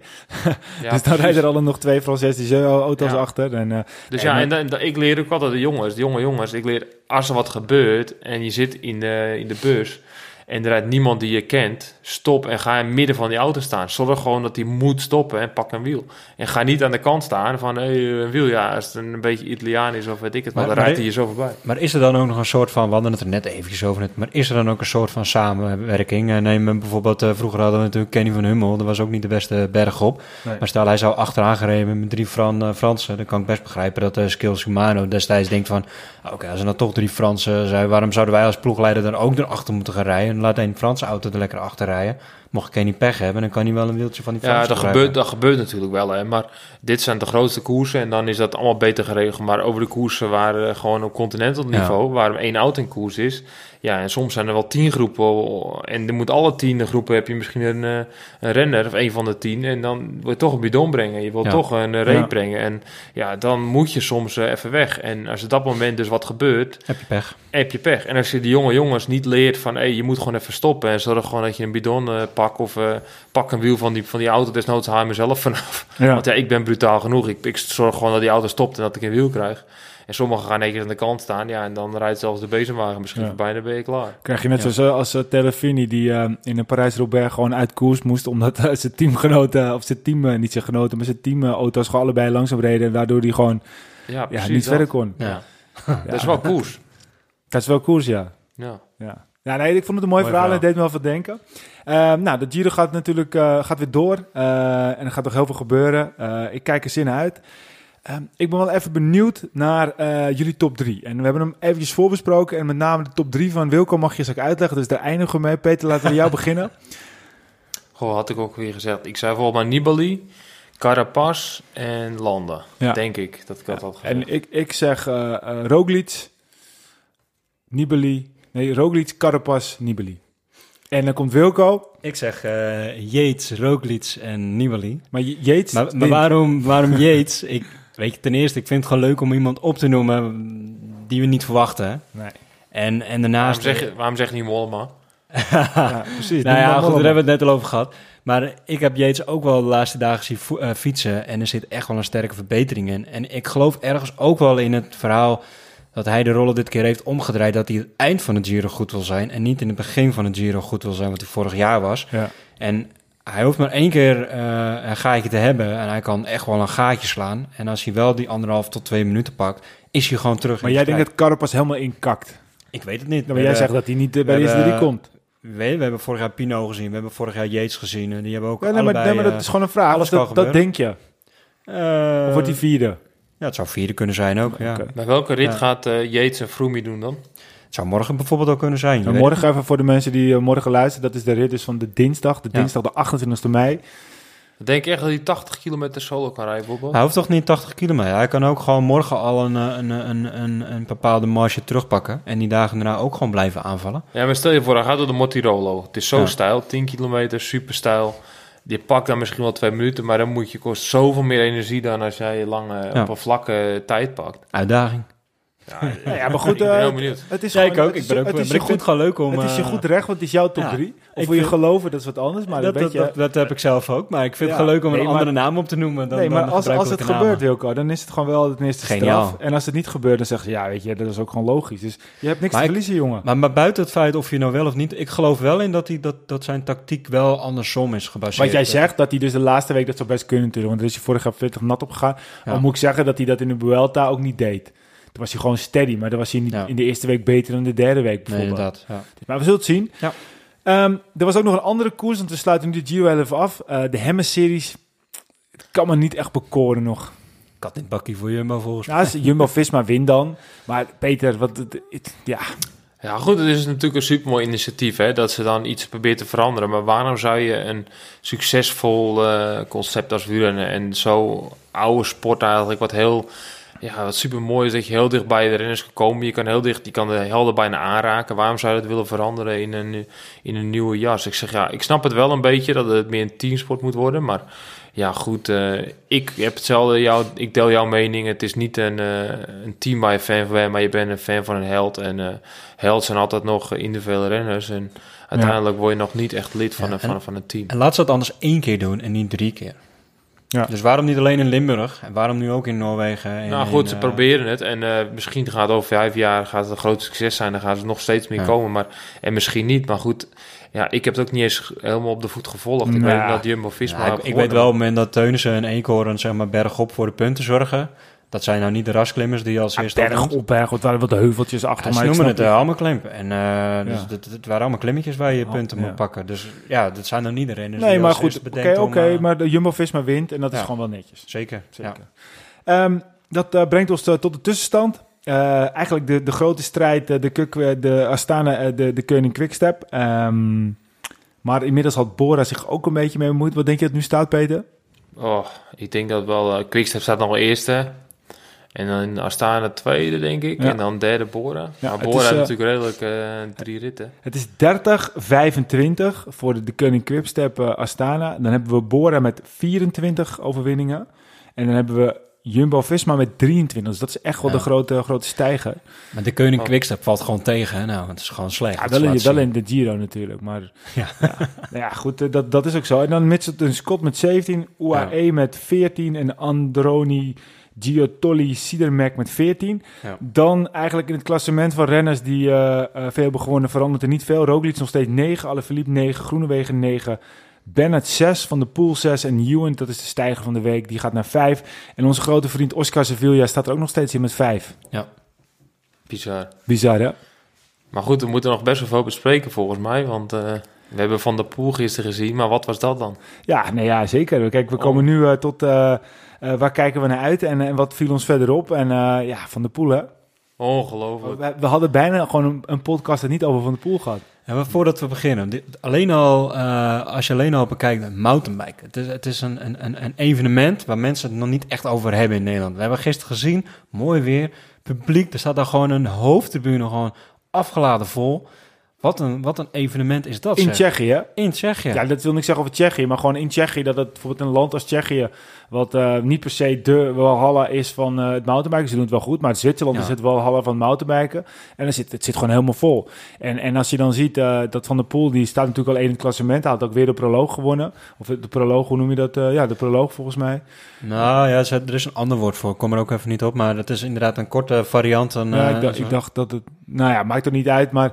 Um, en dan, dan rijdt, hij, rijdt hij als het ware de, de, de, ja, de, de, de rondes. En uh, ja, je ziet gewoon op een gegeven moment dat hij dan ook gewoon bij, uh, bij de, de wereldkampioen weg sprint. En het mooie was dat ze hem, de wereldkampioen namens in beeld. En je ziet in één keer hem versnellen. En in het tweede beeld zie je Van de Poel in één keer al een paar meters daarvoor. Ja, het gebeurde ook allemaal in de laatste ronde. Ja. Het ging hard in één keer. Ongekend. Wat een, wat een, en, en ja, ik, ja het is, hij was ook echt dol en dol blij. Dat is ook logisch, want het is de eerste keer dat je een wereldbeker ja. uh, pakt. Um, ja, fantastisch toch? Ja, ik heb al een keer eerder gezegd, hij heeft het spelletje uitgespeeld. Maar uh, hij doet het nu weer. Ja. Het is... Uh, ongekend. Het is zo verschrikkelijk knap. Wat een multi-talent op de fiets. En je ziet ook renners, zoals ik zag tweet langs zo van Trentin en ja. uh, allemaal renners die dan uh, feliciteren. Die hebben echt wel groot respect voor hem. Hoor. Het is echt wel. Uh, ja, die zei ook gewoon als hij, nou, wat zei hij ook weer? Ik weet niet precies welk spelletje, maar als hij dat spelletje gaat spelen, dan, dan, dan wint hij ook zelfs dik nog. Dus ja, ze zijn allemaal onder de indruk. Ja, wat trouwens wel eventjes opgenoemd moet worden, er was ook een dameswedstrijd, Anne Tauber, dat is ook een hele goede Nederlandse mountainbikester. Ja die, die gingen ook op de, op de overwinning af. Uh, en toen uh, viel ze en de, de, de derde jeur uh, ging daardoor stuk. En dat betekent dat ze uiteindelijk tiende werd. Maar dat was ook wel straf voor wat die deed. Zij is toch ook teruggekomen van de blessure? Ongetwijfeld. Ja, dat was toch, dat was zij toch? Maar goed, ja. maar inderdaad, het was zonde wat ze, dat ze ja. pech had. Ja. Zeker. Hey Peter, wat uh, viel jou nog meer op uh, de laatste periode en uh, waar kijk je naar uit? Nou, ik heb wel twee dingen dat me opviel. Ik vond het wel mooi om te zien dat Sivakov wel toch op bewijst. En zo'n jong talent ja, van Ineos die toch wel weer van de deur klopt. En dat hij gewoon laat zien dat hij ja, zeker rekening mee moet gehouden worden in de toekomst. En ik zie wel zelfs in hem wel een nieuwe Vroom. Ja, en ik moet ook zeggen dat, dat, dat hij me wel positief heeft verbaasd. Want hij durft ook uh, zich uh, uit te spreken. Uh, we hebben het er net niet eens echt over gehad. Maar op het moment dat Roglic weer pech had... gaf Movistar blijkbaar gas in het peloton. En Sivakov die, die, die, die, die zei daar wat over. Dus die, die durfde daar nu al wel wat over te zeggen dat hem dat opviel. Ja. En dat is toch wel straf. Want hij, hij kan ook net zo goed zijn mond houden en denken van... ja, weet je, ik bemoei me niet mee. Ja, goed, je moet niet... Ja, ik vind het super ten eerste dat hij dat doet. Hè, want hij moet niet vergeten, die jongen die is zo jong... Hij komt, zit bij de grootste ploeg ter wereld, laat, laat dat eerlijk zijn. Hij heeft de kopmanschap, dus hij heeft alle druk van al die staf, al de personeel, alles, de sponsors, alle renners.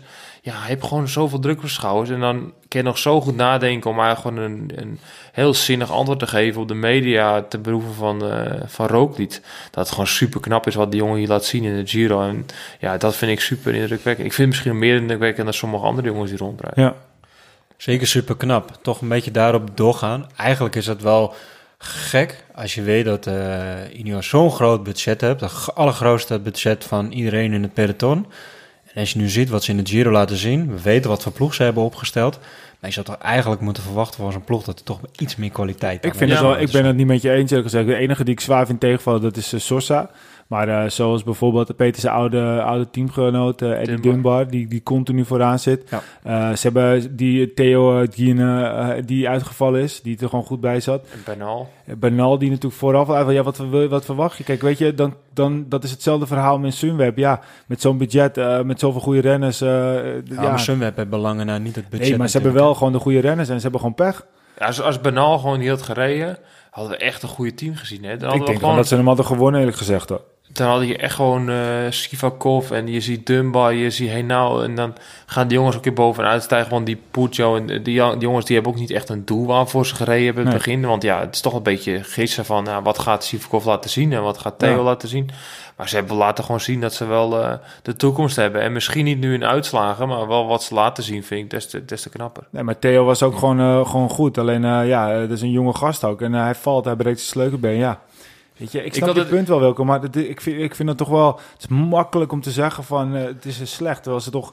Ze hebben, Ja, ze- slecht ze is hebben het nog goede woord. Maar ik vind wel, als je zo'n groot budget hebt, dan... Ja, ergens mag je wel meer verwachten. Ja, maar wat had je Ik verwacht? bedoel, ja, ik bedoel, als je bijvoorbeeld de Koning Quickstep pakt. eh, Als daar een topper wegvalt, die hebben ook een bepaald budget. En, en die hebben gewoon altijd een andere topper klaarstaan. ja, maar, maar Ik zo, bedoel, als, je zo'n, eh, als je zo'n groot, zo'n groot team hebt als, en zo'n groot, of zo'n groot budget hebt als Ineos en een Bernal valt uit, dan mag dat in principe Ja, toch maar geen... nu, nu Quickstep, eh, Viviani is weg. En dan? Ja, oké, en ze hebben ook wel pech dat eh, uitvalt. ja, maar, goed, ze zijn er toch ook niks? En, En Jungels maar dan? eh, Jungels die Jungels- valt dan tegen. Ja, Dat klopt, dat heb je absoluut. Maar dan, we zeiden net al, de Koning Quickstep valt ook gewoon tegen deze Ja, Giro. maar Dat dat zeiden we net ook al. nee, maar dat is ook... Dat zijn gewoon we ook meer van verwachten. Eh Zeker. Ineos, eh, oké, met wat ze hebben, ze staan straks nog in de top 10. Ja. Sunweb, ja, gewoon met alle respect, het is gewoon, het is gewoon door de pech Ja. ook, maar het is niks. Dat is De. Koning Quickstep, ja, misschien dat de Jungels... eh Jungels zei bijvoorbeeld in de etappe van zondag, de 26e mei, zei hij van, eh, ik wil aanvallen. Nou, hij was de eerste die eraf Die moest. eraf moet. Ja, weet je, dat is toch, ja, maar dat zijn ook wel weer... Weet je wie me wel goed eh, een positief opvalt? Dat is Rafa Meika. Ja, natuurlijk, maar Bora zit op rozen. Ja. ja, maar vooraf was, was, was iedereen nog wel een beetje sceptisch over Meika. Van, kan hij het wel, kan hij het wel? We hebben wel een paar keer goede uitslag gereden, maar weet je, het veld was echt heel sterk. Heel Maar steady, hè? Maar ja, heel steady inderdaad. En hij zat gewoon vijfde. Ja, maar, maar, maar Formolo rijdt ook eh, niet verkeerd mee. Ze zitten Nee. gewoon vaak met z'n tweeën daar. Kijk, Ja. in mijn ogen, kijk, zo'n Maika, die is net zoals Nibali en dat soort jongens gewoon su- super taai. Ja. Die heeft zoveel ervaring, zoveel kilometers, zoveel eh, grote rondes gereden. Die is gewoon zo taai dat hij eigenlijk niet meer, dat hij zo steady wordt. En dat is Ja. zelfs met Nibali, wat hij nu, die kan het heel makkelijk verteren. En voor Roglic is alles nog nieuw. En Maika heb ook dat voordat hij zoveel gedaan heeft, al zoveel grote rondes. Die heeft die ervaring al. En Carapaz zelfs ook al, hè, zo jong. Maar die heeft, vorig jaar was hij vierde, dus die weet Ja. al hoe het voelt om het podium te ruiken. En tuurlijk heb Roglic vorig jaar in de Tour eh, super goed gereden in de laatste paar, paar dagen. Maar ja, nu is het een heel andere situatie. Nu zijn de leiding, of tenminste virtueel staat hij altijd met een minuut voor met die tijd te gaan. Dus het is een heel andere situatie. Ja. En Maar het is mooi om Ja, te zien dat is- eh, zulke jongens ook gewoon weer eh, lekker meerijden. Dat Zeker, maakt het mooi zeker. om een eh, hele mooie Giro. Ja, maar Ja. Dat, dat, dat zeker. Zeker. En nog wat, ik vind eh, Marco Haller, het momentje dat hij iemand zijn bidon uit zijn, ja, uit zijn mond probeert te rukken, dat vind ik wel een opvallend momentje dat, eh, wat we moeten benoemen. En Ik in vind het goed ook hè, dat hij dat doet. Hè? Dat hij gewoon stopt en gewoon zegt, wat fuck, wat doe je? Leg, Ja, het, nou eens, goed. leg het eens precies uit wat de Heb je mensen niet gezien? Ja, ik Nou heb wel goed, gezien, het is de een mensen filmpje niet dat, hebben gezien. Kijk, Marco Haller is een renner van Katusha, een eh, vrij grote beer. En ik ken hem ook wel. Ik praat af en toe met hem. Ik wel een toffe gozer. En hij komt de finish zo, zes uur lang op de fiets gezeten. Hij pakt zijn recovery. C zit gewoon in een bidon. Hè. Dus na de finish krijg je of je recovery... of je krijgt een colaatje of wat water, net wat je wil. Maar hij heeft gekozen voor zijn bidon met eh, recovery. En die heb je zijn tussen tanden zitten. En dan komt een fan en die pakt zo die bidon uit zijn handen. Voor hetzelfde breekt hij zijn tanden af. Of breekt een stukje van zijn tand af. Het is gewoon levensgevaarlijk wat die gasten doen. Dus hij gaat naar die fan toe en hij begint hem uit te schelden. En eh, voor het F-woord en al dat soort dingen. En ja, dat mag je eigenlijk officieel. Want ja, je bent uiteindelijk een uithangbord voor een sponsor. kan je dat gewoon niet maken. Maar ik snap zijn frustratie wel. Dat hij zo boos wordt op een fan. Van hé, hey, wat de fuck maak je me nou? maar wat bezielt die fan nou? Ja, maar buiten dat, alsof hij zijn tanden zou beschadigen, dat, dat oké. Maar, wat buiten, bezielt je gaat er niet zomaar iemand iets Nee. uit, die moet zijn mond trekken. Dat is toch gewoon te, te belachelijk voor woorden. 200 meter verder gaf hij zijn bidon aan een, aan een jongetje. Dat vind ik dan wel... Oh, dat deed hij ook? Ja, ja, ja, ja. 200 meter verder stond er een jongetje en die vroeg gewoon of hij het bidonnetje mocht. Ja, maar hij zal zich ook wel een beetje, toch wel een beetje lullig om gevoeld hebben. Maar hij had volledig gelijk. Nee, maar als die kerel had gevraagd, had hij waarschijnlijk misschien ook wel gehad. Ja, maar er kwam op een gegeven moment ook nog een Astana, Ja. bij. En ik denk, wat, wat Ja, doet die nou? op. Of die nou wel nog een bidon wilde geven. ja. Maar goed. wel, ja. Maar toen was er een Marshall die zei gelukkig van... hij eh, wegwezen. Wegwezen, door. Nou, heel raar. eh, Maar hij beseft ook gewoon dat er een camera op stond. Hè? Dus tegenwoordig wordt alles gefilmd. En ik had misschien mezelf niet in kunnen houden, had ik gelijk die gozer gegeven. maar dat had hij zelf ook gedaan. Want ik ken hem en hij had het bij je spreken als hij niet bewust was van geweest dat hij dit had gedaan. En dat wordt ons verteld. Hè? Er wordt gewoon verteld van, hey, wees bewust, je hebt een shirt aan, er staat sponsor op je shirt, je kan niet dat soort dingen maken, je kan niks... En toch gaat hij wel een beetje scheldend tekeer. En dat vind ik dan... Ik snap, ik snap zijn frustratie, maar Ja. zo professioneel zijn die jongens. Die weten ze gewoon in te houden op zo'n moment dat je eigenlijk gewoon heel kwaad bent. Ja. Hij had wel tenminste zijn shirt dicht. Nou ja, ja, precies. Wilke, Ja, wat voor jou nog op? Of wat, eh, waar kijk je naar uit? Nou, we kijken er vooral naar uit. Nou, volgens mij eh, morgen. Voor mij kijken we heel erg, ondanks dat de KVA er niet in zit. De KVA? mij, eh, dat de KVA, eh, dat we daar morgen nou echt wel een hele mooie etappe Ja, morgen is dinsdag 28 mei. Ja. Zeker. Alleen Ehm, maar bergen. Ik ik, kijk uit naar mijn bakfiets. Ja, en dat, dat gaan we nu vertellen. Want we hebben, we hebben Mooi bruggetje. We hebben mooi nieuws. Eh, naast dat we natuurlijk het superleuk vinden dat we elke keer een podcast maken, dat we steeds meer luisteraars krijgen, dat we straks nu de koffiekorting hebben bij brandzaak.nl met, eh met eh koerspret, de code. Kunnen we nog iets anders mooi maken? En ik wilde het net al vertellen, maar jij zei Wilke had helemaal gelijk, anders is het echt wel een, een drinken, koffie en, en, Ja. en, en, en eten, weet ik veel wel, podcast. Wij gaan ons eigen wielerbier uitgeven. Yes. Koerspret gaat het heten. Koerspret. Heel cool. En eh, het, is, eh, het is een eh, heerlijk biertje. We hebben het eh, gebrouwen. Heerlijk blond en, biertje. eh, het is een blond biertje van 6% alcohol. Het gaat koerspret heten. En ja, we mogen, vanaf nu gaan we het, eh, gaan we het verkopen. Dus mensen kunnen het bestellen, pre-orderen eh, via www.koerspret.nl. Koerspret is gewoon K-O-E-R-S-P-R-E-T. Ja. .nl. Eh, ga ook zeker even op die website kijken. Volg ons ook op Instagram, Koerspret, Facebook, Koerspret. En eh, ja, we hebben gewoon wielerbier. En hoe mooi is het hè, om met je maten een lekker biertje te drinken onder het mom van we hebben koerspret. En het is ook nog een koerspret biertje, Ja, het, jongens. het kan, het kan voor de koers, het kan tijdens de koers en het kan na de koers. Ja, wij zijn er heel blij mee. We, Ja. hebben, wij hebben er eh, toch een beetje van gesnoept natuurlijk. We hebben het goed geproefd. En eh, wij denken dat het echt een super lekker biertje is. En eh, ja, tijdens de Giro eh, zal het misschien nog een beetje krap worden, want het is nog niet helemaal eh, ready. Ja. Maar straks tijdens de Tour, de Vuelta en alle andere koersen, eh, het WK, allemaal kan het en allemaal koers bedrinken. En eh, jongens, het is niet eh, een grote reclamespot, want wij hebben dat ook gewoon gebrouwen uit passie. En we vinden het leuk en we willen het voor iedereen beschikbaar maken. En wij Ja. denken gewoon dat er zeker nog ruimte is voor een mooi wielenbier. Zeker weten. Ja. En het zou natuurlijk dan helemaal fantastisch zijn als onze grote vriend Remco Evenepoel straks, zoals eh, eh, een van onze vaste trouwe volgers al zei, eh, dat die straks het eerste flesje in ontvangst neemt. Maar ja, goed, Remco is een beetje druk, want hij zit inmiddels waarschijnlijk weer op eh, Ibiza. Maar mocht iemand eh, Remco goed kennen, Remco, we willen graag jou de eerste grote fles koerspet aanbieden. Dus stuur eens even een berichtje en dan kunnen, we die, kunnen we die naar je op toesturen. Ja. Mooi. Jongens, ik denk dat, dat het, het tijd is voor het allerlaatste woord. En dan zitten we er alweer bijna op een uur en een 15 minuten langer zelfs. Dus dat was volgens mij weer, weer heel, veel, heel veel gepraat.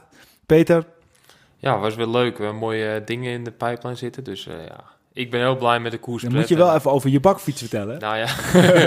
ja, goed, weet je, dit hele, hele koerspetverhaal is eigenlijk als een geintje ontstaan. En eh, ik vind het gewoon zo leuk om dit te doen met jullie podcast te maken. En ja, we maken kosten en we proberen die kosten een beetje te dekken op een leuke, ja, ludieke manier. En ja, dit is een beetje ontstaan. En ja, nou gaan we gewoon enthousiast daarmee aan de gang. En hoe leuk is dat we die eh, lol kunnen delen met, eh, met onze luisteraars. En eh, dat is alleen maar, eh, ja, wat, wat Michiel ook een aantal keer zegt, dat is wat de motor doet draaien. En eh, ja, goed, dat is super cool. En we hebben bij elkaar gezeten, we hebben wat gebrainstormd. Het is eigenlijk, ah, laten we gewoon een bakfiets kopen. En, eh, we zien omtoveren Peter straks gewoon op zijn bakfiets trainen hè, met biertjes op en tot de koerspret fiets. En ja, goed, dan kunnen we wat, wat showen. En eh, ja, dat is alleen maar leuk. Ja. Dus Ja, volg echt. ons op eh koerspret eh, op Instagram. Koerspret, mannen. Echt Koerspret. koerspret. Koerspret. Yes. Wilco, Koerspret. ja, laatste Ja. woord. Nou, dan eh, ga ik de allerlaatste woorden inluideren. Eh, bedankt voor het luisteren. Volg ons ook zeker op Facebook, facebook.com slash Arrière de la Course. Twitter, Arrière met een hoofdletter C. Instagram, Arrière de la C. Eh, we hebben ook een mooie website. En die website is www.arrièredelacourse.nl. Voor degenen die er nog steeds niet genoeg van hebben gehad, we hebben sinds kort een hele mooie koffieactie. 15% ko- eh, korting op de heerlijke bonen van eh, brandzaak.nl met de code Koerspret. En we hebben dus ook sinds kort ons eigen bier. Ga daar eventjes naar kijken op eh koerspret.nl en daar kan het besteld worden. Bedankt voor het luisteren en tot de volgende Arrière de la Koers!